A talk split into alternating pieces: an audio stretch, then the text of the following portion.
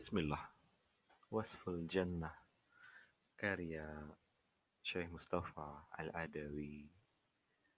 Yang semoga Allah merahmati beliau, merahmati keluarga beliau, dan merahmati kaum muslimin seluruhnya. Diterjemahkan oleh Izzuddin Karimi, Abu Khair, Hafizahumullah Ta'ala. Kita masuk ke dalam bagian sekilas gambaran tentang surga, kenikmatan abadi di dalamnya, dan keagungannya. Orang-orang yang mencoba menggambarkan surga, bagaimanapun dia berusaha menggambarkannya, atau orang yang membayangkan surga, bagaimanapun dia mencoba membayangkannya, dia tetap tidak mampu menghadirkan sedikit pun hal yang sepadan darinya. Apalagi sebagiannya, terlebih lagi menggambarkan seutuhnya. Karena mendengar tidak sama dengan menyaksikan secara langsung. Di surga terdapat apa yang tidak pernah dilihat oleh mata, tidak pernah didengar oleh telinga, tidak pernah terlintas dalam benak manusia. Dalam As-Sahihain, footnote, hadis riwayat Al-Bukhari 3244 dan Muslim 2824 dari hadis Abu Hurairah radhiyallahu anhu dia berkata Rasulullah Shallallahu alaihi wasallam bersabda Quran surat As-Sajdah ayat 17 Allah berfirman Aku menyiapkan bagi hamba-hambaku yang salih apa yang tidak pernah dilihat oleh mata, tidak pernah didengar oleh telinga, dan tidak pernah terlintas dalam benak manusia. Bacalah bila kalian berkenan.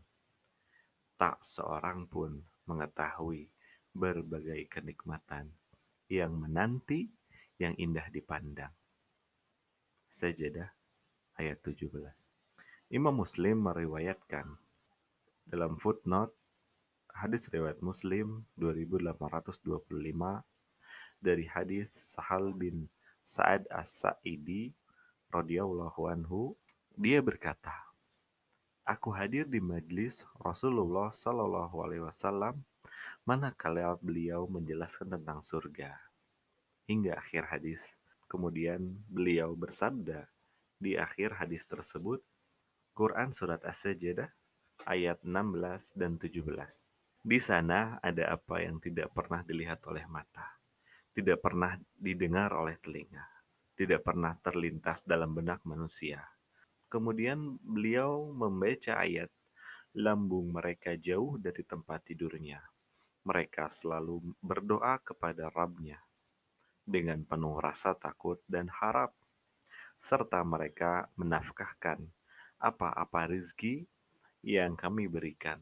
Tak seorang pun mengetahui berbagai nikmat yang menanti yang indah dipandang sebagai balasan bagi mereka atas apa yang mereka kerjakan. Di dalam surga disediakan segala apa yang manusia inginkan. Quran Surat As-Sajdah ayat 16 dan 17. Di dalam surga disediakan segala apa yang manusia inginkan. Bahkan lebih dari apa yang diinginkan. Di sana juga terdapat apa yang diidam-idamkannya dan ia nikmati dalam memandangnya. Allah Subhanahu wa taala berfirman dalam Quran surat Az-Zukhruf ayat 71. Potongan akhirnya dan di dalam surga itu terdapat segala apa yang diinginkan oleh hati dan sedap dipandang oleh mata dan kamu kekal di dalamnya. Az-Zukhruf ayat 71. Kamu dapat membayangkan besarnya kadar surga manakala kamu membaca hadis Rasulullah Shallallahu Alaihi Wasallam ini. Dalam footnote hadis riwayat Al Bukhari nomor hadis 3250. Tempat cemeti di surga lebih baik daripada dunia dan isinya. Kamu bisa membayangkan bagaimana agungnya surga ketika kamu mengetahui kenikmatan apa yang disiapkan untuk penghuni surga yang paling rendah tempatnya. Imam Muslim meriwayatkan dalam footnote nomor 189 dalam sahihnya dari Ash Sya'bi rahimahumullah dari Al-Mughirah bin Syu'bah radhiyallahu anhu Ash Sya'bi rahimahumullah berkata aku mendengarnya dari atas mimbar dia memarfukannya kepada Rasulullah Shallallahu alaihi wasallam Imam Muslim berkata dalam sanad lain, Bishir bin Al-Hakam rahimahumullah menyampaikan kepadaku dan redaksi ini miliknya. Dia berkata, Sufyan bin Uyainah rahimahumullah menyampaikan kepada kami. Dia berkata, Mutarif rahimahumullah dan Ibnu Abjar rahimahumullah menyampaikan kepada kami. Keduanya mendengarkan dari Asy Sya'bi rahimahumullah berkata, Aku mendengar Mugirah bin Syu'bah radhiyallahu anhu mengabari orang-orang di atas mimbar. Sufyan rahimahumullah berkata, salah seorang dari keduanya memarfukannya. Menurutku dia adalah Ibnu Abjar rahimahumullah. Dia berkata, Musa bertanya kepada Robnya, tempat apa yang paling rendah bagi penghuni surga? Rob menjawab, ialah tempat yang ketiga seseorang datang setelah semua penghuni surga masuk ke dalam surga, lalu dikatakan kepadanya, masuklah ke dalam surga. Dia berkata, wahai Rob, bagaimana mungkin? Sedangkan orang-orang telah menempati tempat tinggal mereka dan telah mengambil semua jatah yang semestinya mereka ambil. Lalu dikatakan kepadanya, Apakah kamu rela bila kamu diberi seperti apa yang dimiliki salah seorang raja di dunia?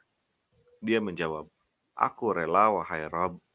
Dia pun berfirman, Kamu mendapatkan hal itu, ditambah yang sebanyak itu, lalu ditambah sebanyak itu pula, lalu ditambah sebanyak itu pula, dan sebanyak itu pula. Pada kelima kalinya, dia berkata, Aku ridho, wahai Rob. Maka Allah pun berfirman, ini semua untukmu dan ditambah sepuluh kali lipatnya. Serta kamu mendapatkan segala keinginan hatimu dan yang sedap kau pandang. Lalu sang laki-laki itu berkata, Aku ridho, wahai Rabku. Kemudian Musa bertanya, Wahai Rab, lalu bagaimana dengan penghuni surga yang paling tinggi derajatnya? Allah menjawab, mereka itulah orang-orang yang aku kehendaki. Yakini, aku pilih. Aku tanam kemuliaan mereka dengan tanganku, dan aku tutupi kenikmatan itu, sehingga tidak ada mata yang pernah melihatnya. Tidak ada telinga yang pernah mendengarnya, dan tidak pula pernah terlintas di dalam hati manusia. Dan pembenaran hal tersebut dalam Al-Quran Quran Surat As-Sajdah ayat 17. Tak seorang pun mengetahui berbagai nikmat yang menanti yang indah dipandang. Keindahan surga secara umum. Adapun keindahan surga secara umum, maka dengan memohon taufik kepada Allah, akan aku tuliskan sebagai berikut. Surga itu tinggi, kedudukan dan tempatnya Allah Subhanahu wa taala berfirman dalam Quran surat Al-Ghasiyah ayat 10 di dalam surga yang tinggi. Surga berada di atas langit yang ketujuh. Hal itu berdasarkan firman Allah Subhanahu wa taala Quran surat An-Najm ayat 14 sampai 15 yaitu di Sidratil Muntaha. Di dekatnya ada surga tempat tinggal. Dan dalam sebuah hadis dari Rasulullah Shallallahu alaihi wasallam bahwa beliau melihat Sidratul Muntaha sesudah beliau melewati langit yang ketujuh. Kemudian aroma surga dapat dicium dari kejauhan. Surga merindukan penghuninya, dan penghuninya juga merindukannya. Surga mendekat kepada mereka, dan mereka pun juga mendekat kepadanya.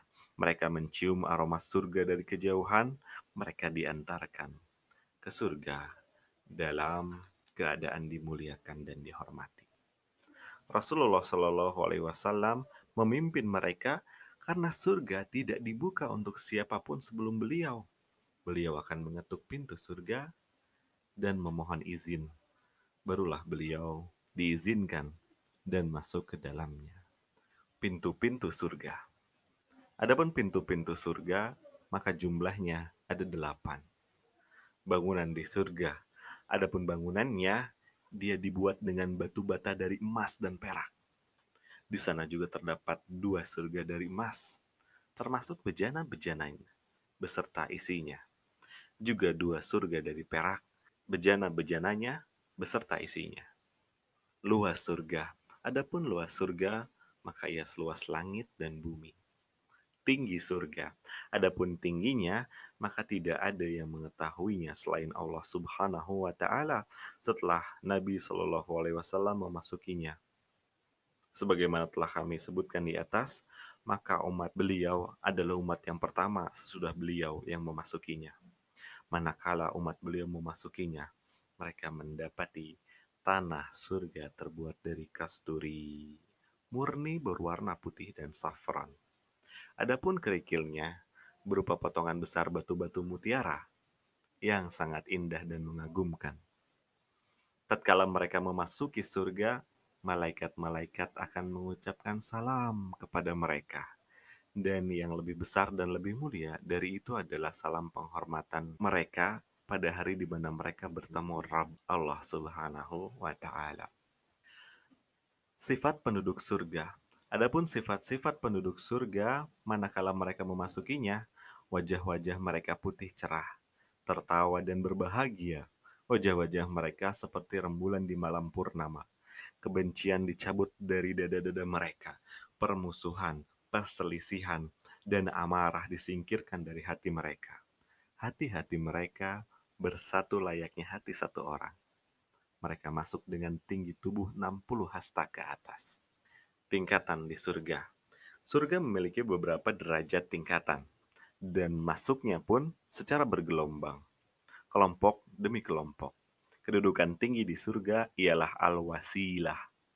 Dia adalah kedudukan di surga yang hanya layak untuk seorang hamba Allah dari hamba-hambanya. Yang Rasulullah Shallallahu Alaihi Wasallam harapkan kedudukan tersebut untuk diri beliau.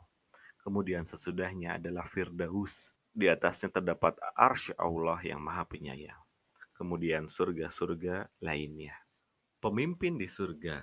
Di surga terdapat para pemuka dan pemimpin sesudah para nabi dan rasul. Pemimpin itu seperti Abu Bakar dan Umar radhiyallahu anhuma.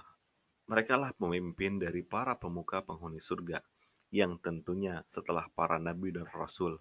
Sedangkan sepasang pemimpin dari kalangan anak-anak muda adalah Hasan dan Husain radhiyallahu anhuma. Pemimpin para syuhada adalah Hamzah radhiyallahu anhu sedangkan pemimpin kaum wanita adalah Fatimah radhiyallahu anha.